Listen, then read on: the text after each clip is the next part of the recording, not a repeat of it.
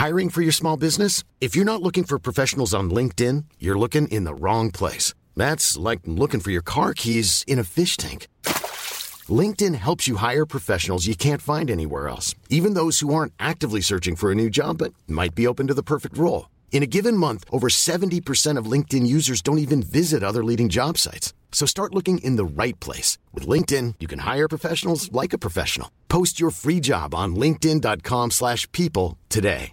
Hey, I'm Ryan Reynolds. At Mint Mobile, we like to do the opposite of what Big Wireless does. They charge you a lot, we charge you a little. So naturally, when they announced they'd be raising their prices due to inflation, we decided to deflate our prices due to not hating you. That's right. We're cutting the price of Mint Unlimited from $30 a month to just $15 a month. Give it a try at mintmobile.com slash switch. $45 upfront for three months plus taxes and fees. Promo rate for new customers for limited time. Unlimited more than 40 gigabytes per month. Slows. Full terms at mintmobile.com. A lot can happen in three years, like a chatbot may be your new best friend. But what won't change? Needing health insurance. United Healthcare Tri Term Medical Plans, underwritten by Golden Rule Insurance Company, offer flexible, budget friendly coverage that lasts nearly three years in some states. Learn more at uh1.com. Vi är denna vecka sponsrade av Indie Beauty. Och Sofie, det här tycker jag är extra fint och extra roligt. Ja men Indie Beauty är ju ett skönhetsvarumärke som jag tror att väldigt många känner till, men det jag älskar mest det är att Indie Beauty liksom vill vara mer än bara produkter, vilket de ju också är. Exakt. Indie Beauty står ju för Independent Beauty, skönhet på dina villkor och för din egen skull. Och Indie Beauty tror ju stenhårt på ett alternativt skönhetsideal fritt från måsten, skam och känslor av otillräcklighet. Där är jag helt med Indie Beauty. Jag med. Det är så jag vill att skönhet ska vara. Ja men verkligen. Och vet du vad som är nytt för i år Sofie? Berätta. Från och med i år så skänker Indie Beauty 1% av sin försäljning till Suicide Zero, Tjejzonen och Djurens Rätt. Så när man handlar produkter från Indie Beauty så kan man liksom känna att man också ger tillbaka till samhället. Ja, kraften i tillsammans. Ska jag säga en sak nu då, som jag, det, men det är detta jag är extra glad över. Nu har Indie Beauty tagit fram en keps och den tycker jag ändå så på sommaren, skydda sig från solen. Jättebra, jag älskar kepsen. Men det bästa, de bidrar till Suicide Zeros viktiga arbete för att minska antalet självmord och självmordsförsök. Så för varje såld keps så går hela vinsten, 100 kronor, direkt till Suicide Zero. Då kan man liksom göra nytta både för samhället och sin hud på en och samma gång. Ja, och kepsen kostar 169 men alltså hela vinsten går då som sagt till Suicide Zero. Så om man vill göra skillnad när man är där ute i solen, nu när den börjar titta fram, då ska man välja den här kepsen. Den säljs exklusivt på indiebeauty.se och på Apotea. Tillsammans kan vi skapa en ljusare framtid. Vi ses med kepsarna på! Tack Indie Beauty. Vi är sponsrade av Mindler och som ni säkert vet sedan tidigare så är vi ju ute på psykologresan tillsammans. Men hur vet man egentligen när det är dags att söka hjälp? Ibland uppstår saker i livet som kommer utmana oss och kännas tufft. Det mesta självläker vi oss igenom, för vi är menade att ta oss igenom en viss mängd påfrestningar. Men ibland behöver man professionell hjälp för att ta sig ur jobbiga perioder i livet. Men vart går då gränsen? Vad är en del av livets skavighet och när är det läge att söka hjälp? Det sägs till exempel att stress är farligt, men att det också kan vara bra. Alla sover dåligt ibland, så när har man egentligen sömnproblem? Ångesten kommer väl krypande för de flesta någon gång. Så när ska man se ångesten som outhärdlig? Hur vet jag? Med oss som psykolog har vi såklart min gamla psykolog Linnea Seidbrant. Men Linnea, vad är egentligen utmattningssyndrom? Utmattningssyndrom är en konsekvens av svår och långvarig stress utan möjlighet till återhämtning. Vi är ju då skapta för att klara av stress, men vi behöver också återhämtning. Om du utsätts för för mycket stress under en lång period utan att du får till den nödvändiga återhämtningen så kommer kroppen till slut att säga ifrån. Och det är faktiskt så att alla har en gräns. Du kan drabbas av en rad fysiska eller psykiska besvär som trötthet, sömnproblem, hjärtklappning, besvär från magen och tarmarna och mycket annat. Och det här är ju då varningssignaler och tecken på att du kan behöva göra någonting åt din situation. Annars så kan besvären utvecklas till att du mår så dåligt på sikt att du blir psykiskt och fysiskt utmattad. Ladda ner Mindler till din telefon och läs mer på mindler.se.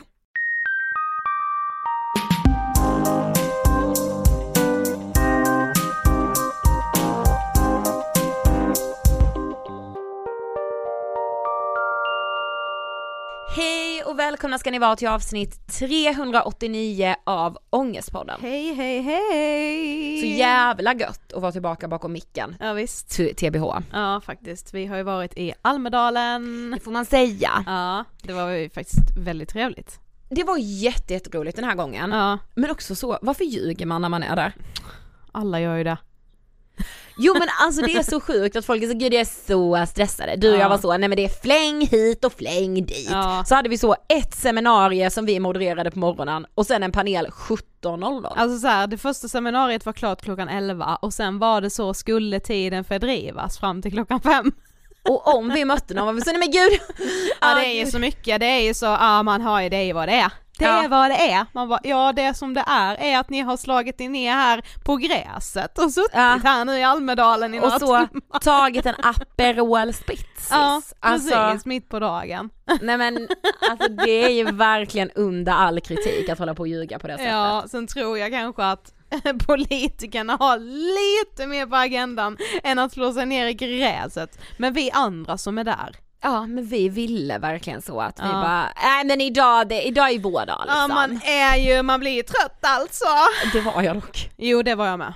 Jag blev så Men det är ju, alltså energimässigt är det ju jobbigt att ens, det är dels jobbigt att resa, att inte sova i sin egen säng, att vara social, att vara trevlig och framförallt är det ju liksom, nu föreläste vi ju inte en hel föreläsning, men vi pratade ändå framför folk, socialförsäkringsministern bland annat. Alltså Eh, han och- kom på vårt seminarium. Ja, och modererade ett seminarium, då är Mm. man ju liksom så sjukt koncentrerad. Ja. Och jag kan inte vara det länge utan att bli Alltså jag blir ju som en klubbad säl. Men så här är det ju att alltså, om någon pratade med oss under Almedalen så lät det ju ändå som att vi hade så sju uppdrag. Det hade vi inte. Nej, det var ljug. I så fall ljög vi.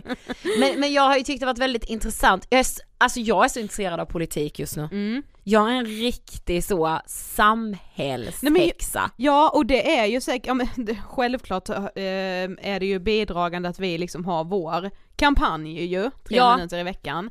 Men också att jag alltid tycker liksom att samhällsfrågor är väldigt intressanta och så, och kanske också lite för att det är valår. Däremot kan jag bli stressad för att jag tycker att det snackas för lite politik med tanke på att det är just valår. Jag också, och jag är också så här. Alltså jag vet inte men just nu är jag väldigt inne i, och detta är så jävla töntigt, jag, jag bara låter mig själv vara inne i det i typ som nu en vecka, är att jag tycker att saker och ting är så oseriösa. Alltså jag, är så, jag är så jävla trött på så underhållning! Man bara men snälla, alltså, ni, du, du kan inte bli underhållen hela tiden, ta lite jävla samhällsansvar. Helt ärligt. Ja. Och jag vet det är ju skittöntigt, alltså jag är väl avis på att vår podd är så liten jämfört med så folk som typ pratar om eh, hur många ska knulla i sommar om jag är singel? Och det är så här, Ja. jag fattar att folk blir underhållna av det men inte bara. Nej. Jag eh, har ju lyssnat på några av partiledarnas tal, inte alla. Ska dock göra det. Absolut såklart eftersom jag nu också har ett brinnande intresse för detta. Mm. Då eh, har jag ändå uppmärksammat än så länge att än så länge så har Magdalena Andersson nämnt skolkuratorerna och Ebba Busch har nämnt barn och ungdomspsykiatrin. Men det är faktiskt än så länge de enda som har pratat om eh, psykisk ohälsa på något vis. Ja, alltså eh, Johan Persson pratade ändå mycket om skolan och alltså att man ska få hjälp. Okej. Men det var ändå lite så otydligt i vad han menade. Han det, nämnde det, inte elevhälsan Nej eller? men självklart så skulle han ju påpeka det, alltså det var det jag menade. Okej. Alltså, ja. Ehm, Men vi, alltså vi kommer vara ert öra mot marken när det kommer till de här frågorna fram till valdagen. Håll koll på vår Instagram, eh, där vi heter Angestpodden. Eh, och liksom om det är något ni tänker så här, men vad, vad tycker liksom, kan ni inte kolla vad partierna tycker i det här, alltså som rör då psykisk ohälsa. Ja. Så kan vi försöka ta reda på det efter att vi har haft lite semester och gå in för guds skull på 3minuter.se, skriv under namninsamlingen. Jag ger er en uppgift. idag ska ni fixa en person som skriver under namninsamlingen. För barn, unga, psykiska hälsa. Alltså förlåt, gör du något viktigare idag? I don't think so. Och vi har ju också släppt fyra specialavsnitt avsnitt med fyra partiledare. Det kommer ju såklart fyra till, men det tar vi efter semestern. Allt är redan inspelat och klart så ni behöver inte tänka att det inte kommer att bli av. Men Allt vi känner så att eh, nu vill vi ha lite semester, vi vet att ni också vill ha semester, ni vill väl obviously då bli jävligt underhållna. Det ska ni bli i Ångestpodden också för det kommer roliga avsnitt här nu framöver. Det kommer det, men kanske just politiska avsnitt väntar vi med tills man är tillbaka och är med i matchen så att säga. Absolut, absolut. Men idag ska vi prata om något som eh, är önskat ämne, eller många som liksom vill att vi ska ta upp det här. Och för dig och mig har det de senaste åren inte varit läge att ta upp det för att vi har haft det jobbigt. Och det jag pratar om är vänskapsrelationer, att kanske bli lämnad av en vän, att lämna en vän själv, känslan av att säga men gud är jag ett problem? Varför vill inte den här personen vara vän med mig längre? Och ni är många som önskar så här, prata om vänskap. Mm. Och alltså det här vänskapsrelationer är ju så jävla viktigt i ens liv.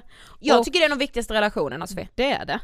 Och ehm, alltså det är så mycket som går hand i hand med kärleksrelationer, i även vänskapsrelationer. Så pass mycket så att jag tycker det är konstigt att det liksom i, alltså jag tycker inte det skildras tillräckligt mycket i så populärkulturen eller man pratar inte om det tillräckligt mycket. Alltså hur värdefullt vänskapsrelationer är och framförallt hur sårad och djupt ledsen man kan bli när en vänskapsrelation tar slut. Eh, för att man pratar ju då om hjärtesorg och när man gör det så pratar man om kärleksrelationer. Men jag har ju upplevt hjärtesorg i vänskapsrelationer. Alltså jag med. Jag tänker också att så här, eller, eller så här, jag har alltid tänkt att ens egna vänskapsrelationer också säger my- mycket om vilken typ av person man är. Mm. Men, men när du säger populärkulturen, alltså har du ändå något exempel där du tänker så här, här skildras vänskaper bra? Eh, girls skulle jag säga. Ja, både och, men där är det ju, ja. ja eh, Jo men för jag tycker ändå ja, de, jag, ja, jag tycker de tar upp också bra det här, alltså svedan som kan finnas i vänskaper men att man trots de svedorna ändå ställer upp för varandra. ehm, för jag, men i, i sanningens namn är ju de tjejerna ganska fittiga mot varandra. Ja det är de. Alltså de skulle ju ta en kille framför sin vänskap alla dagar i veckan. Det skulle tyvärr jävligt många göra. Nej alltså säg inte så, för då, då måste jag säga, som också är mycket äldre, men Sex and the City, det är Ja. mycket finare hur de skildrar vänskapen. Ja, sant. Fast ja, mm, men där handlar ju också ja, mycket om män ju. Alltså, Jo fast alltså till syvende och sist, alltså det är ändå, alltså det är ändå mycket där det är så här, fast vi har varandra, fast det är Ja. vi, jag kommer ta dig igenom det här. Mm, visst. Alltså i Girls tycker jag att det är mer så, alltså mer som du, ja alltså det är nog säkert mer verklighetstroget. Ja. I att så, alltså vänskaperna är ganska blasé, man, är man, de är lite low key irriterade på varandra hela tiden, Mm. de blir avundsjuka på varandra och kan verkligen inte stävja det utan jag säger jag unnar inte den subban ett skit. Nej men det är ju verklighetsbaserat. Åh fy fan. Mm. Ja. Alltså det är, och det är ashemskt men det är inte många som upplever den vänskapen som de har i Sex and the City. Du och jag. Ja, Men det är ju verkligen så att jag är så trygg i vår vänskap att det är ju som en familj. ja, men gör det, alltså när jag säger det så det är inte många som skulle göra det, alltså så absolut aldrig kunna tänka sig att ta en kille före en tjejkompis. Nej, Vad hemskt. Men jag måste tänka mer vad jag har liksom som jag, där jag har tyckt att så, gud vad fint den här vänskapen skildrades. Jag tyckte att det skildrades fint i den här norska serien Bö. mm, Skam också ganska fint. Mm. Alltså, med, alltså ändå Fast det här sviker de ju också för Jo en men det kille. gör man ju men det är ändå lite snårigt och liksom men ändå liksom någonstans finns de här vänskapsbanden kvar bland vissa av dem och de, ja jag vet inte men det är svårt, alltså vänskapsrelationerna står ju inte liksom i centrum alltid. Absolut inte, det blir liksom ändå, tycker jag ofta när man kollar på tv-serier eller filmer och så, eller läser böcker att så här, alltså vänskapsrelationen är alltid den sekundära relationen i en berättelse typ, för det känns alltid som att det är kärleksrelationen som blir det primära liksom. Ja så är typ några vänner men så blir de kära också. Ja men som, att, precis. så här, som att en story inte skulle hålla på vänskap Ja, bara. att precis, att så här, alltså kärleksrelationerna blir så mycket liksom, det är någon annan tyngd i det på något sätt och jag Ja. håller inte med om det, alltså jag jag tycker heller. att det är samma tyngd Ja. i vänskapsrelationer. Men det är klart att det är, Ja. alltså hundra Ja procent. men det, jag tycker inte det är så självklart. Nej, Men i min värld är det det. ja, men för dig och mig är det nog det. Ja. Vi är inte så extraordinära men alltså, jag vet inte, jag tycker bara det är så, man Men hör kan- så jävla mycket om svek och jag hör folk göra saker mot varandra som har varit vänner länge, när jag fan blir mörkrädd. Mm. Eh, och kanske att man liksom har blivit extra känslig när man själv har varit med om saker som har sårat en så jävla hårt. Mm. Ehm, ja.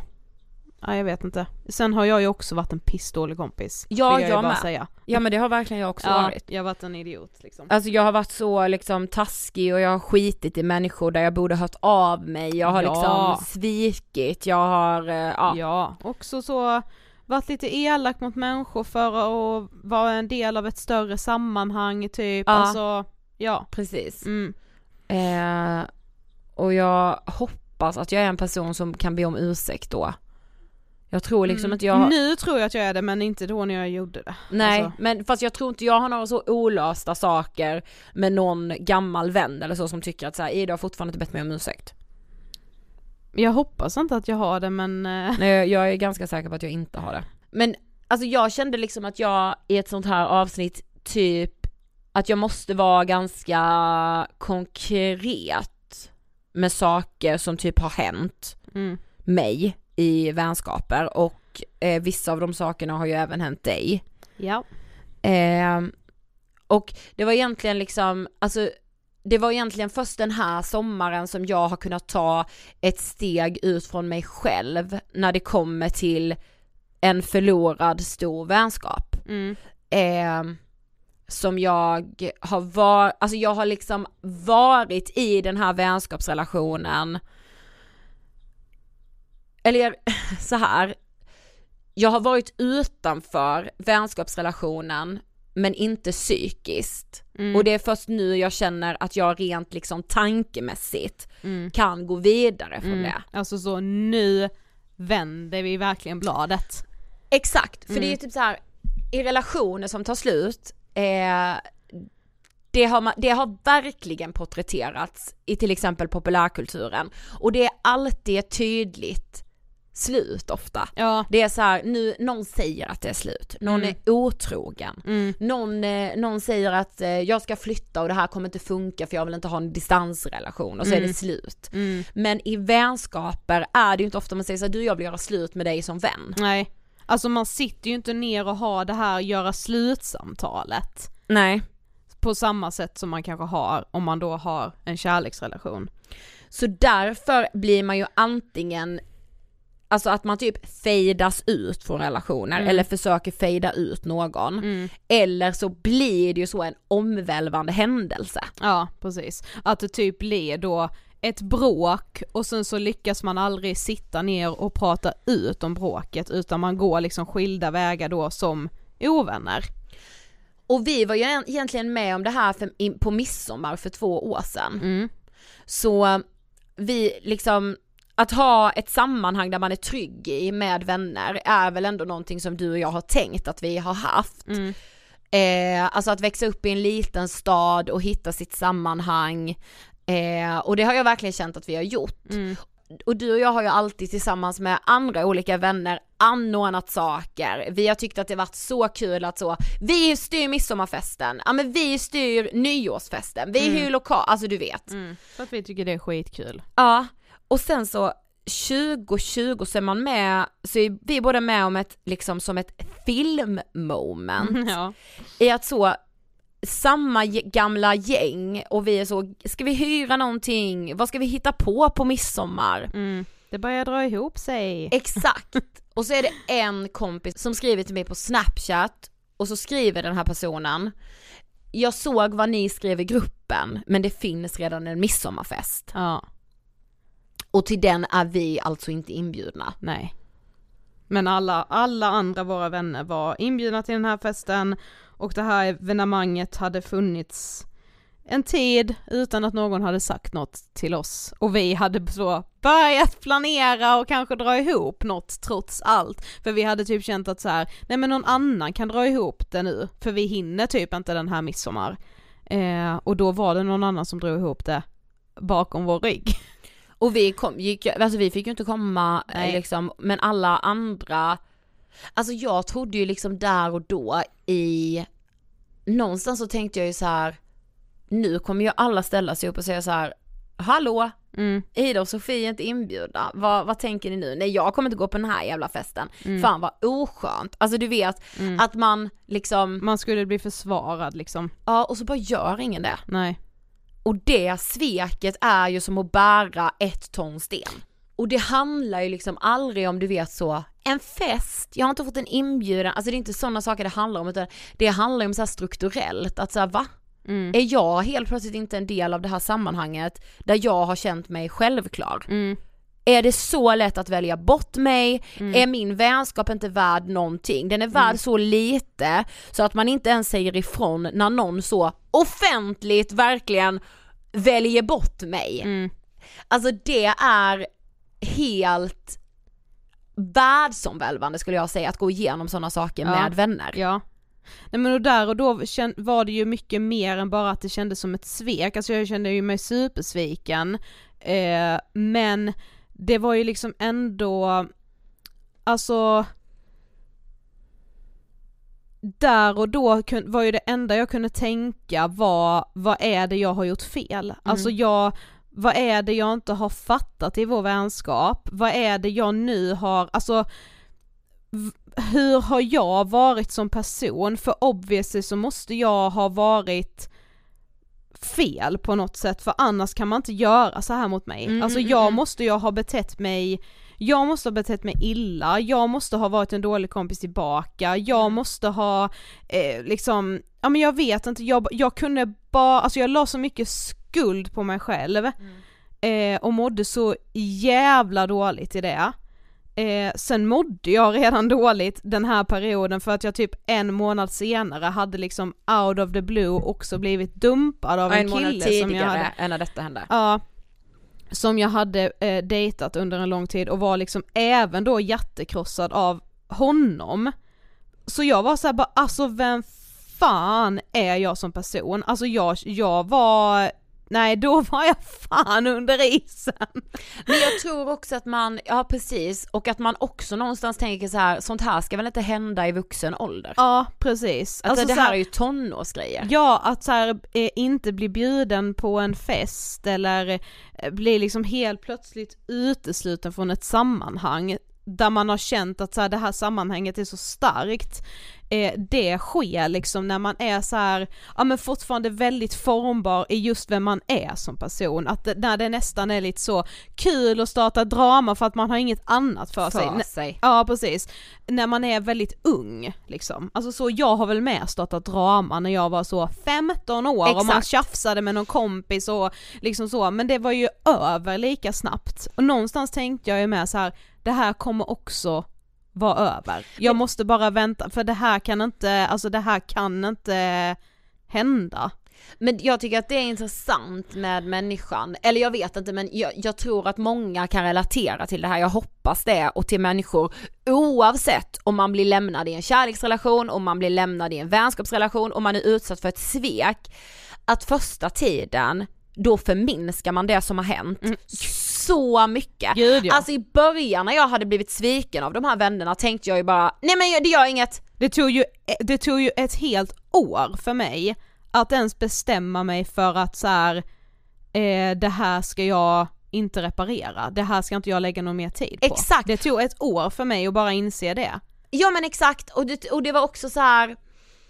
Alltså det vet jag ju liksom med gamla så här, eh, personer jag har va- varit kär i eller personer som jag har varit liksom intresserad av.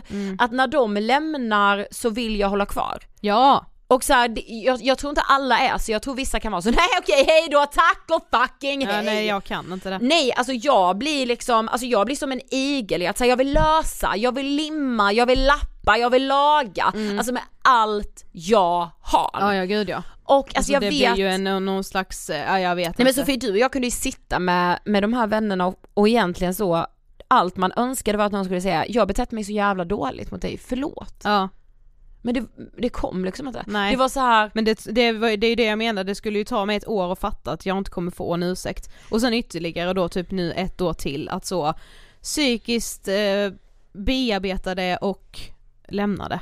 ja men att liksom känna att man blir utsatt för en sån här vidrig sak av Mm. de som jag har sett på som några av mina närmsta vänner. Mm. Det tar oändlig tid att bearbeta. Det är samma sak i en kärleksrelation, i något som man har sett, det här är mannen i mitt liv, det här är kvinnan i mitt liv, vi ska dela livet tillsammans, vi ska skaffa barn. Nu har den här personen bedragit mig, eller den här personen lämnar mig vind för våg. Men det är typ det som gör att jag blir, kan bli lite så, liksom, inte förbannad men som jag tycker det är konstigt att man inte har tagit upp mer om just vänskapsrelationer. För i kärleksrelationer så är det ofta så, något sånt som har hänt då så, eh, partnern har varit otrogen, partnern har blivit kär i någon annan på jobbet eller vad fan det nu än är liksom. Eller man bara så tappar känslor. Men att Alltså det är klart som fan att man kan tappa känslor för en vän, ofta är det då också typ ömsesidigt, att man helt naturligt glider ifrån varandra. De vänskapsrelationerna som man förlorar på det sättet, de sårar ju inte en på det, alltså det, då kan det Nej vara men så... visst är det ändå hemskt, jag får bara säga, alltså du Ja. vet när man har en gammal vän där man alltid haft så hur mycket som helst att prata om, det, eh, samtalen har bubblat, man har bara Mm. såhär vänta vänta vänta vi har inte, har vi bara liksom, vi har suttit här i tre timmar, vi, inte, vi har inte ens gått igenom hälften Mm. och ses man några år senare och så är det så stelt. Ja, men det är ju alla med om. Ja. Alltså det är så här, det är naturligt, det är liksom en naturlig del av livet. Och det som känns alltså, jobbigt där, det kanske är extra jobbigt när man är typ nostalgiker och så, bara tänker tillbaka på det gamla och inte gillar så mycket när saker har förändrats liksom, och då blir det skitjobbigt. Men just i så här i vänskapsrelationer är det ju inte att man är otrogen, Nej. alltså man, alltså, eller så om man då tappar vänskapskänslorna så är det ju ofta då för att något har hänt som har gjort att man så gud den här personen visade sig vara en person som jag inte alls tycker om men då vet ju ofta den personen också att okej okej där hände den saken som gjorde att jag förändrades i den personens ögon. Men det här blev ju liksom så här, jag kunde inte fatta vad det var som hände. Alltså jag fattade absolut ingenting. Jag tyckte också och har tyckt i vänskapen som har tagit slut att jag har behövt omdefiniera hela mitt liv. Ja. Alltså jag har behövt gå tillbaka i saker jag har varit med om, i minnen och börja så här, vänta, vänta, vänta, vänta, har jag bara sett på det här som, fan vad, att vi var med om det här ihop, eller wow vi gjorde detta, men det har Är det bara jag som har Ja, värdesatt är det bara jag som är värdesatt och är det bara jag som har tyckt att så här, det här har betytt jättemycket för mig? Ja. Man skäms Alltså, ju då. Det är det man gör, alltså man skäms så jävla mycket. Och det vet jag ju med att så här nu när man liksom har andra ögon på det och liksom har bearbetat det, och så är det väl med alla relationer, även kärleksrelationer, så kan man ju se vad som inte har funkat i relationerna. Och jag har ju, alltså den specifika vänskapsrelationen som vi pratar om nu, har ju jag nu så här med facit i hand försvarat andra sjuka beteenden väldigt länge Mm. inför andra för att jag har älskat den här vänskapsrelationen Mm. så hårt så att jag, alltså det har inte funnits något annat i mig än att bara så, ja men försvara konstiga beteenden, men jag har ju också skämts Mm. för att så, ja oj vad konstigt men ja, alltså du vet så bara Mm. fläktat bort saker. Eh, men när allt det här hände då, där sommaren 2020, eh, då började jag ju i terapi Mm. och jag har hittat anteckningar från min terapi. Du skojar med mig. Nej, och jag fick fan alltså nu när vi satt innan, alltså i, att vi skulle göra det här avsnittet så jag fick alltså grov ångest igen av att läsa det här. Eh, men jag tänkte ändå att vi skulle göra det för att så här, det, det, det här är ju skrivet i när jag mådde som sämst liksom. Mm. Eh, och jag tyckte ändå det satte ord på, ja men mycket av det jag kände. Eh, det här, det har ju också att göra med liksom att jag också var då jättekrossad av även en kille, men hjärtekrossen, jag- alltså Ready to pop the question? The jewelers at BlueNile.com have got sparkle down to a science with beautiful lab grown diamonds worthy of your most brilliant moments. Their lab grown diamonds are independently graded and guaranteed identical to natural diamonds, and they're ready to ship to your door. Go to Bluenile.com and use promo code LISTEN to get $50 off your purchase of $500 or more. That's code LISTEN at Bluenile.com for $50 off. Bluenile.com code LISTEN.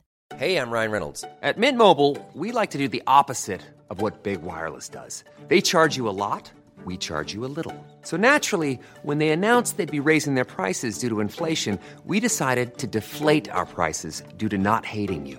That's right. We're cutting the price of Mint Unlimited from $30 a month to just $15 a month. Give it a try at mintmobile.com slash switch. $45 upfront for three months plus taxes and fees. Promo rate for new customers for limited time. Unlimited more than 40 gigabytes per month. Slows. Full terms at mintmobile.com. I'm Sandra, and I'm just the professional your small business was looking for. But you didn't hire me because you didn't use LinkedIn jobs. LinkedIn has professionals you can't find anywhere else, including those who aren't actively looking for a new job but might be open to the perfect role, like me. In a given month, over 70% of LinkedIn users don't visit other leading job sites. So if you're not looking on LinkedIn, you'll miss out on great candidates like Sandra. Start hiring professionals like a professional. Post your free job on linkedin.com/people today. Vänskapsjättekrossen tog ju mycket hårdare. Mm. Den sitter ju kvar i mig än idag liksom, det gör ju inte den där Den där drömmen. killen liksom. Nej, precis. den där gamla flamman. Alltså, Men då var det, det jag har hittat är alltså när jag har eh, pratat med min psykolog några gånger och typ, och så har hon kastat tillbaka lite frågor till mig och Mm. då skrev jag svar på alla de här frågorna i mina anteckningar liksom. ja. Eh, och då har vi skrivit om så här nedstämdhet och mycket ångest. Eh, och hon bara, vill du säga något mer om din nedstämdhet? Alltså hur känns den typ? Eh, och då har jag skrivit, jag skulle inte säga att jag är jätteirriterad, men jag känner mig ganska nedstämd och ångesten skulle jag säga är väldigt fysisk. Jag har hjärtklappning, tryck över bröstet och ibland svårt att sova. Jag hamnar ganska, jag somnar ganska lätt men vaknar ofta och har då väldigt svårt för att somna om för att tankarna maler i huvudet. Det här har blivit lite bättre de senaste veckorna. Det var värre med sömnen i början på sommaren. Det här var i augusti 2020.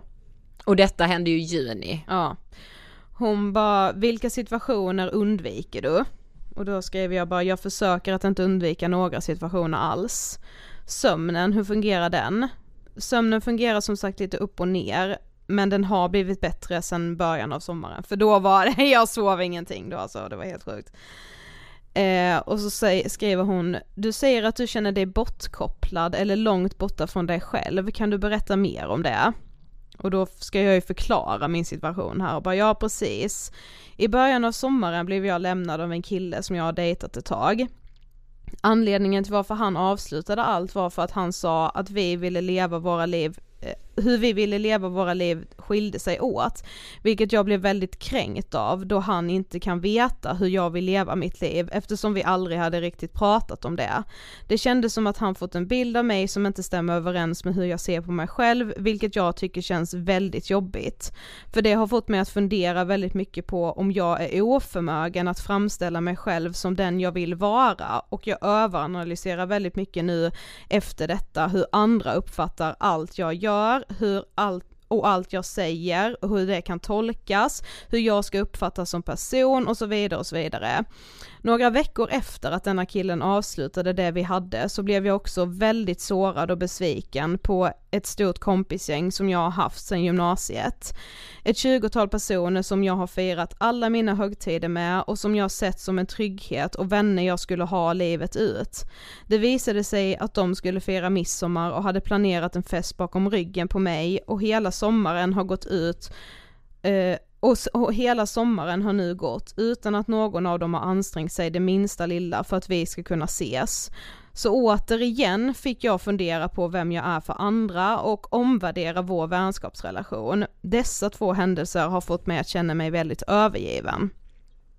Och det var just det här med att, alltså att först då var jag en jättesorg och hela, alla de känslorna som kommer med det och att känna sig just, ja men kränkt som jag gjorde för att jag tyckte liksom, ja skitsamma det finns ett helt avsnitt om när jag blev dumpad, Mm. men att då också börja liksom behöva omvärdera hur man tänker att någon annan människa ser på en, alltså det är vedrigt, alltså jag fick panik av den känslan att så, är jag helt ofem, är det det som är mitt problem? Jag har en bild av hur jag är som, eh, som kompis, och den, den bilden kan inte stämma för då hade man inte gjort så här mot mig. Vad är det då som gör att jag inte kan förmedla det jag känner eller vem jag typ förmedlar jag en helt annan bild av vem jag är som kompis. Det var ju det som var så jävla jobbigt. Mm. Och då skriver hon vidare, när du skriver att du inte vet vem du är eller vad du vill ha ut av livet, hur menar du då? Jag bara, jag vet vem jag vill vara, men det är som att jag inte vet hur jag ska vara den personen. För det känns som att jag gör något fel i och med att personer som jag trodde jag stod väldigt nära inte vill ha mig i sitt liv. Mm. Ja fy fan det är för klump bara jag läser det. Mm. Och hon skrev också att inte kunna känna närhet till andra eller glädja dig åt relationer, vad innebär det för dig? Jag bara, jag tvivlar numera på alla mina relationer, för det är klart som fan man gör det. Inte, Alltså, inte vår typ. Nej, men det var ju, ja men det var ju för att vi var med om samma sak. Det var ju en jävla tur att vi var vi Ja. båda som blev eh, rådumpade. Eh, känns som att alla ska se sidor hos mig som man inte tycker om. Jag har en stark känsla, jag har en stark rädsla för att jag aldrig kommer vara en person att sakna och det gör väldigt ont att känna så. För det var ju också det, man kände att så här. Ja, då, det, nu går det en hel sommar och ingen kommer tillbaka och ber om ursäkt. Eh, ingen saknar ju obviously att vara min vän Exakt. av alla de här som jag saknar, alltså det gör jag ju än idag. Ja, gud jag saknar dem jätte, jättemycket. Ja, men det är liksom ändå inte värt att försöka ta upp kontakten igen och då, alltså rädslan för att aldrig vara personen man saknar i ett sammanhang, ja alltså nej det är fruktansvärt. Någonstans för mig och som jag tror, alltså nu kommer säkert många lyssna på det här som också har blivit lämnade av vänner och allting. Alltså det jag ser tillbaka på nu och det jag tar tillvara det är ju någonstans mitt eget värde. Jag har behövt värdera, vad är moral för mig, vad är etik, hur vill jag behandla människor och hur vill jag inte behandla människor. Ja. Och det är bara jävla sorgligt att personer som jag har sett som några som står mig så så så så så nära har visat mig hur man inte ska behandla andra personer. Det är ju skitsorgligt. Tyvärr kommer förmodligen livet vara så. Ja. Alltså, och jag kanske är exemplet för någon hur, hur man inte ska behandla personer. Mitt problem, alltså också så här, det jag fick höra många gånger i det här var, äh, det var bland annat att jag hade skällt på en tjej på en fest. När hon hade kommit på icke utsatt tid. Det är också så här, ett, definiera skällt. Två, hur kan ingen ta det med mig i stunden när det händer? Ja alltså det togs ju upp då år senare. Exakt, och vilja så här gadda ihop sig kring en sån sak. Då är det så svårt att se att man inte vill, alltså att man inte har gjort det. Det har jag jättesvårt att se varför. Och min enda förklaring blir ju att så här, för att man vill hitta något fel. Ja precis, jag kände ju med att så här, de få förklaringarna jag fick till varför situationen såg ut som den gjorde, det var bara bortförklaringar till Alltså varför man egentligen inte ville umgås med mig. Och det är för att man tycker att jag är en hemsk människa att umgås med. Och att man inte kommer sakna mig, att man vill få fösa ur, ut mig från sitt liv. Men att det typ blir för hårt att säga så hellre då skyller man på att så, ni har haft lite dålig ton, ni, ty- ni tycker att ni är någonting, alltså ni sätter er över varandra, alltså det var så dåliga förklaringar tyckte jag, det var ingen, alltså Jag vet också i liksom vänskapsrelationer när man har gett mycket av sig själv, alltså Mm. antingen om man har gett mycket av sig själv, alltså rent privat och känslomässigt, men man kan också ha gett mycket i form av sin tid, man har planerat saker, man har fixat saker, Mm. alltså att känna att man själv har blivit utnyttjad, det är en så fruktansvärd känsla. mm, och det kan man ju känna i kärleksrelationer också. Absolut, där kan man, det också handla om att man känner sig utnyttjad i så sex, att Ja, man känner sig utnyttjad precis. rent känslomässigt. Ja. Eh, och den, alltså den känslan har jag tyckt varit så jävla tuff och Mm. vidrig. För att då är jag så här, känner jag det nu och definierar jag mig liksom som ett jävla offer, det vill jag inte, det är inte synd om mig. Samtidigt som jag ibland har känt, jo det är fan Det är visst det är synd om mig. mig, jag är ju ett offer i detta. ja eller hur? Jo men och det måste man väl få vara, det handlar ju liksom inte om att jag tycker inte att bara för att man känner sig som ett offer och ibland tycker synd om sig själv så är inte det samma sak som att så alltid ta på sig en offerkofta eh, och liksom alltid vara den som tycker synd om sig själv. Man kan ju inte alltid så, nej men det är inte synd om mig, ja, för jag vill inte, det är inte synd om mig, det är inte synd om mig, då bearbetar man ju ingenting som har gjort en Nej. ledsen. Alltså det var jättesynd om oss. Men, men när har du känt själv då att du typ såhär bara fan i det här läget har jag nog varit en uh, pissig vän. Eller här har jag nog liksom så lämnat en vän som kanske själv då har känt såhär fan är jag ett problem typ. Gud, det kan jag typ inte svara på. Alltså jag tror ändå inte jag har så lämnat någon eh, frågande i kring Nej. så, varför är vi inte Jag vänner tror längre? det kan finnas vissa personer som, som är så, gud varför hör hon aldrig av sig? Ja. Och att i, i min värld har vi vuxit ifrån varandra. Mm. För att det har inte hänt någon så, så det har inte hänt att jag har haft en eh, midsommarfest som med någon jag alltid har firat så jag inte liksom så. Mm. Men, men jag tror det finns personer som kan tycka att så här, ah, du, hon borde höra av sig till mig. Eller hon borde vara lite mer Alltså Mm. kanske att den, det finns, jag vet att det finns personer som kanske har frågat mig så här tre gånger i rad, ska vi ses, ska vi ses? Mm. Hallå vill du hitta på något? Och jag har typ så här, nej jag kan inte, nej jag hinner inte. Och sen Mm. har jag inte liksom skrivit mer till den personen. Mm. Det vet jag att det finns människor. Ja. Eh, Men och det kan ju också ske naturligt, att man så bara glömmer eller inte, faktiskt inte hinner, alltså för det har jag ju ändå märkt nu sen allt det här hände och man blev liksom, alltså för, ja, jag gick i terapi och det gick jättebra och det hjälpte mig jättemycket men fy fan vad paranoid jag ändå kan känna mig, framförallt i nya vänskaper. Alltså jag, både när man, alltså i alla former av relationer, Ja, ja. om man nu ändå fokuserar på vänskapsrelationer. Alltså jag är så sinnessjukt paranoid och Alltså jag tänker ju hela tiden att så här, ja ja det här blir är kul för stunden för det kommer inte bli något långvarigt för man vill inte ha en långvarig relation med Ja, mig. så för något fel måste det ju Ja. vara. Alltså Och- det har jag ju fortfarande i mig, även, alltså det sitter ju ändå mycket längre bak nu men det Ja. är ju där ändå i bakhuvudet och Ja. är det då typ så, ja men säg att jag, jag är den som tre gånger frågar, ja men ska vi ses, ska vi ses, ska vi ses, ger tre olika förslag och personen bara typ, ja men lite så flyktigt kommer med något annat eller ställer in eller så, alltså då tänker jag ju direkt bara, ja! Då har jag träffat den personen för sista gången. Det tänker jag Alltså jag är förvånad varenda gång jag sitter med vänner som jag liksom, som jag tycker jättemycket om men som jag fortfarande inte är tillräckligt trygg med för att de aldrig skulle vända mig ryggen. Exakt. Eh, då är jag förvånad varje gång vi väl ses, bara "Ja, jag fick en gång till. Ja, men, och det är ju inte den övergripande känslan tänker jag. nej, nej nej men den finns ju där. Exakt, jag kan också få sådana att så här, är den här personen är verkligen vän för mig, är, är verkligen vän med mig för att vara snäll. Ja. Och den personen tycker synd om Ja, mig. den tycker synd om mig så liksom. nu är den mig. Och- Men sen så Ja. släpper jag ju det och så här. Men alltså Mm. att det ändå så kan vara hos en. Ja. Jag tror det är lite mer kvinnligt än manligt. Ja det är det kanske. Men det jag tänker också är för att killars känslor ofta är, tas som sanningar. Mm. Och tjejers känslor av svek eller att man känner sig utnyttjad, det är ju bara på låtsas och definitivt överdrivna reaktioner Ja på så att det någonting som sitter har ju i hänt. ditt huvud.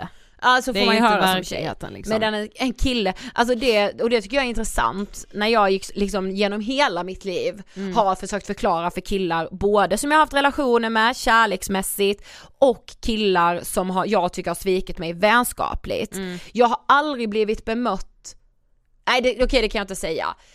I 20% av fallen har Mm. jag då blivit be- bemött med respekt. I 80% av fallen har jag fått höra att jag ska skita i det, att jag ska skaka av mig det, men bry dig inte så mycket. Mm. Alltså att säga det till någon som har tagit modet till sig och säga att jag är ledsen, jag är sårad, jag är besviken. Ja men hur kan man inte se att man ju bryr sig för att det har betytt någonting för en, Ja, inte för att man tycker att det är kul att bry sig. Visst är det sjukt när man får höra så, och det tänker jag med allt, alltså så kan jag tänka mig att det är på liksom större arbetsplatser, att någon Ja, bara ja. shit, jag kände verkligen att det här blev fel, jag levererar inte. Skit i det, att alltid svara, det betyder ingenting, men det har ju gjort det för den här personen. Mm. Ja, Vad är det precis. för jävla, och sen menar jag inte att bomullsbadda in all skit, det vet ni, alltså vi kommer aldrig till exempel triggervarna ångestpodden. Mm. Nej. Men det är en helt annan grej, alltså Mm. jag tycker att så här, är det någon man har haft en relation med som uppenbarligen har blivit sårad, som har tagit illa vid sig, ja men lyssna på det då. Mm, ja men verkligen.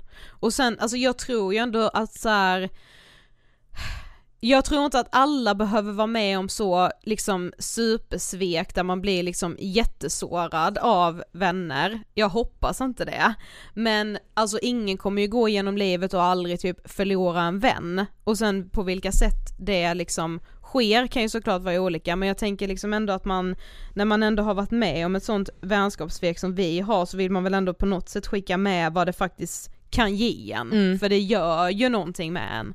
Nej men Sofie, alltså det öppnas ju så många dörrar. Alltså Nej men man, då får man ju nya relationer. Ja, alltså jag skrev till och med jag bara så jävla klyschigt men dåliga vänskapsrelationer som tar slut ger plats för nya och så Ja! är det ju verkligen. Och också typ hur man omdefinierar, alltså, ja men dels så känner jag ju ändå att så här, nu när jag går in i nya relationer så är jag ändå, alltså skulle ändå säga ganska tydlig med hur jag liksom värderar vänskapsrelationer, hur jag vill ha vänskapsrelationer och är man inte då på samma plan, men då klickar man typ inte med mig vänskapsmässigt och då behöver vi inte, då blir det här kanske ingen långvarig vänskapsrelation. Alltså vet du vad jag ska göra med det här avsnittet? Jag ska liksom inte nämna några namn i det, men Mm. jag ska skicka det här avsnittet till personer som i de, i de här två senaste åren Mm. har betytt så jävla mycket för mig när jag har gått igenom kris Mm. i vem jag är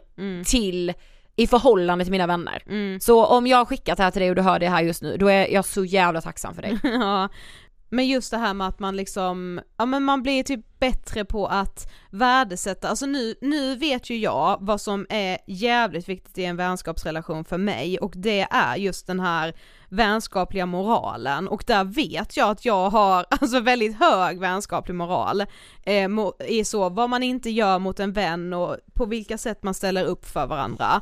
Eh, men det finns liksom ändå grader som jag absolut inte kan acceptera och då behöver vi inte vara vänner. Men ska jag säga med vad jag tycker är, alltså så, vad som är så jävla viktigt för mig, alltså en sak som verkligen har slagit mig, det är att låta någon berätta.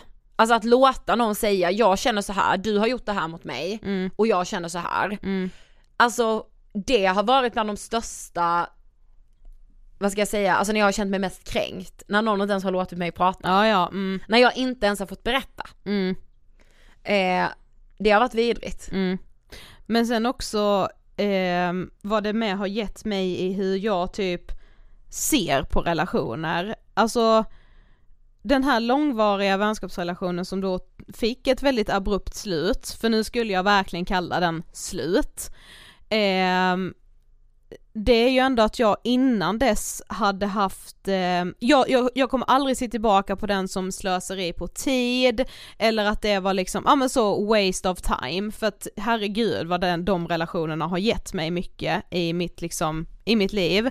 Men eh, innan det var jag väldigt så, och det kan ni ju bara lyssna tillbaka i våra gamla avsnitt kring hur jag pratar om relationer och hur jag är som person i att så här, jag har alltid, jag eh, har väldigt svårt för att öppna upp mig, jag är väldigt restriktiv med vilka jag öppnar upp mig för, jag släpper inte in vem som helst i mitt liv, alltså jag var väldigt benhård på det och det var typ någonting jag alltid sa, men så att det blev min sanning, att jag var den typen av person. Och så insåg jag någonstans under de här två åren att så här, Alltså det stämmer inte, det där är en sanning som jag typ har, jag har sagt så många gånger så att jag tror att det är så jag är. Men nej, alltså jag har inte alls svårt för att öppna upp mig och jag har inte svårt för att släppa in nya människor i mitt liv. Eh, och jag vill vara en människa som släpper in många människor Ja. i mitt liv.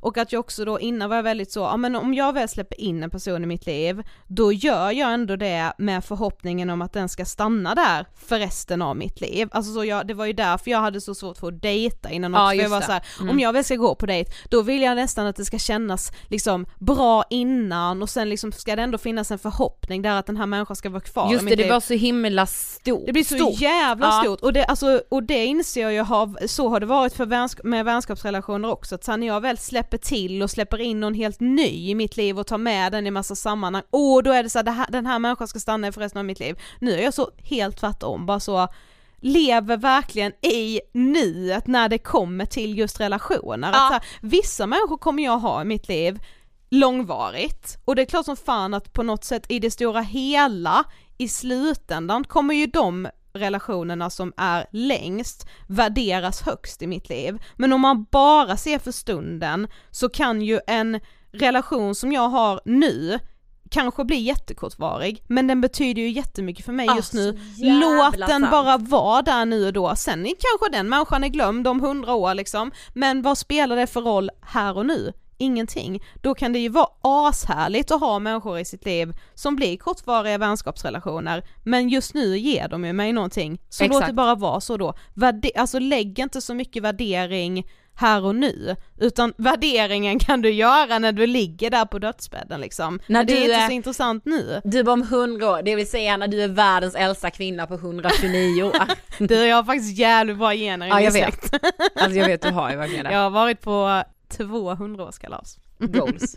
ja, men så det skulle jag ändå ha, säga ha, alltså att bara göra den så totalomvändningen i vilka man släpper in i sitt liv och när man gör det och hur man gör det och varför man gör det, det har ju gett mig skitmycket. Ja och att också, helt seriöst, det här med att behöva värdera sin egen jävla moraliska kompass, kanon. Ja, ja det är det verkligen. Ja men det är så Det är ju viktigt. så jävla självutvecklande, jag är Ja. så glad att jag är en människa som har förmågan att omvärdera saker och liksom vilja gräva i min egna, egna moraliska kompass för det finns alldeles för många människor som bara stöter sånt ifrån sig och som aldrig vill vara och gräva i sin egen skit och det är så, ja fy fan, så jävla Mm. inskränkt, tråkigt liv. Ja, Jag ha- har ju då skrivit en text Ja. som jag tänkte att jag vill avsluta podden med. Yes. Så den kommer liksom efter att vi har typ har sagt hej då tänker jag. Ja. Och en låt också som, men det kommer man förstå vilken det är.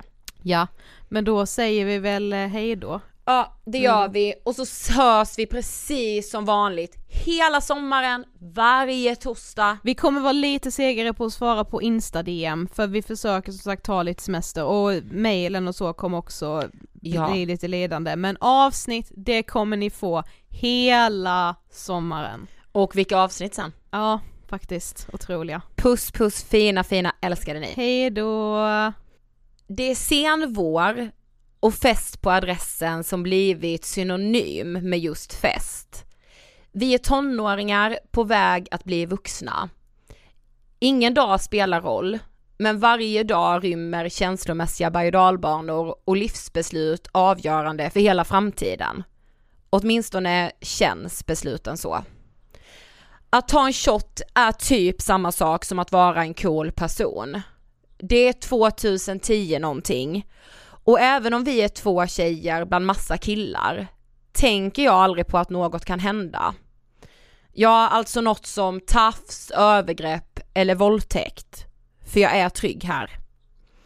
Vi är två tjejer bland ett killgäng, men vi är vänner. Fan vad jag älskar dem, säger vi till varandra. Pratar om Fs sätt att dricka som ett partytrick. Om J's förmåga att förstå. Om D's bekymmer han vågar dela. Och om M som alltid vill att vi ska vara med. För vi är vänner och hos vänner är man med. Det är så mycket som betytt så mycket. Saker som tröstat, varit just tryggt, roligt, festligt. Det har firats födelsedagar, delats lägenheter, lånats ut sovplatser. Det har skrivits tack till i en bok för att ingen ska glömma hur viktiga vi är för varandra. Saker jag senare fått titta tillbaka på och försöka se med andra ögon på. Det har inte varit lätt för det som känts så betydelsefullt kanske aldrig var det. Men vi är vänner och hos vänner är man ju med. Men det som en gång var självklart blir diffust och fyllt till bredden av frågor. Det blir tomma ord och ursäkter som inte betyder någonting. Somrar som rinner mellan fingrarna och ursäkter som inte bara inte betyder någonting. De sägs aldrig. Och kanske är det exakt det pisset som är livet. En sommar slutade ni hända mig. Jag som trodde vi var vänner, men hos vänner är man med. Så Miriam sjunger, alla dina hemligheter kanske håller, kanske inte. Passa dig för vem du sårar, akta dig för allt du sa. Du ska tacka mig för allt jag gav. Tiden står still i min tidsmaskin. Jag tog bort din bild från min mobil. Låtsas längta länge. Vi tar en sista de stänger. Säger ingenting till slut. Vem fan är du? Våra somnar tusen tårar. Allt vi ångrar, allt vi lovar. Passa dig för vem du sårar. Akta dig för allt du sa.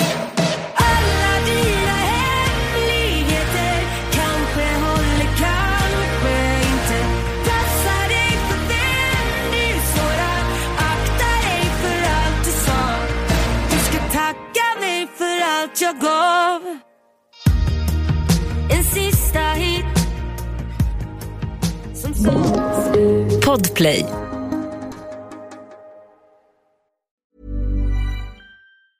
Planning for your next trip?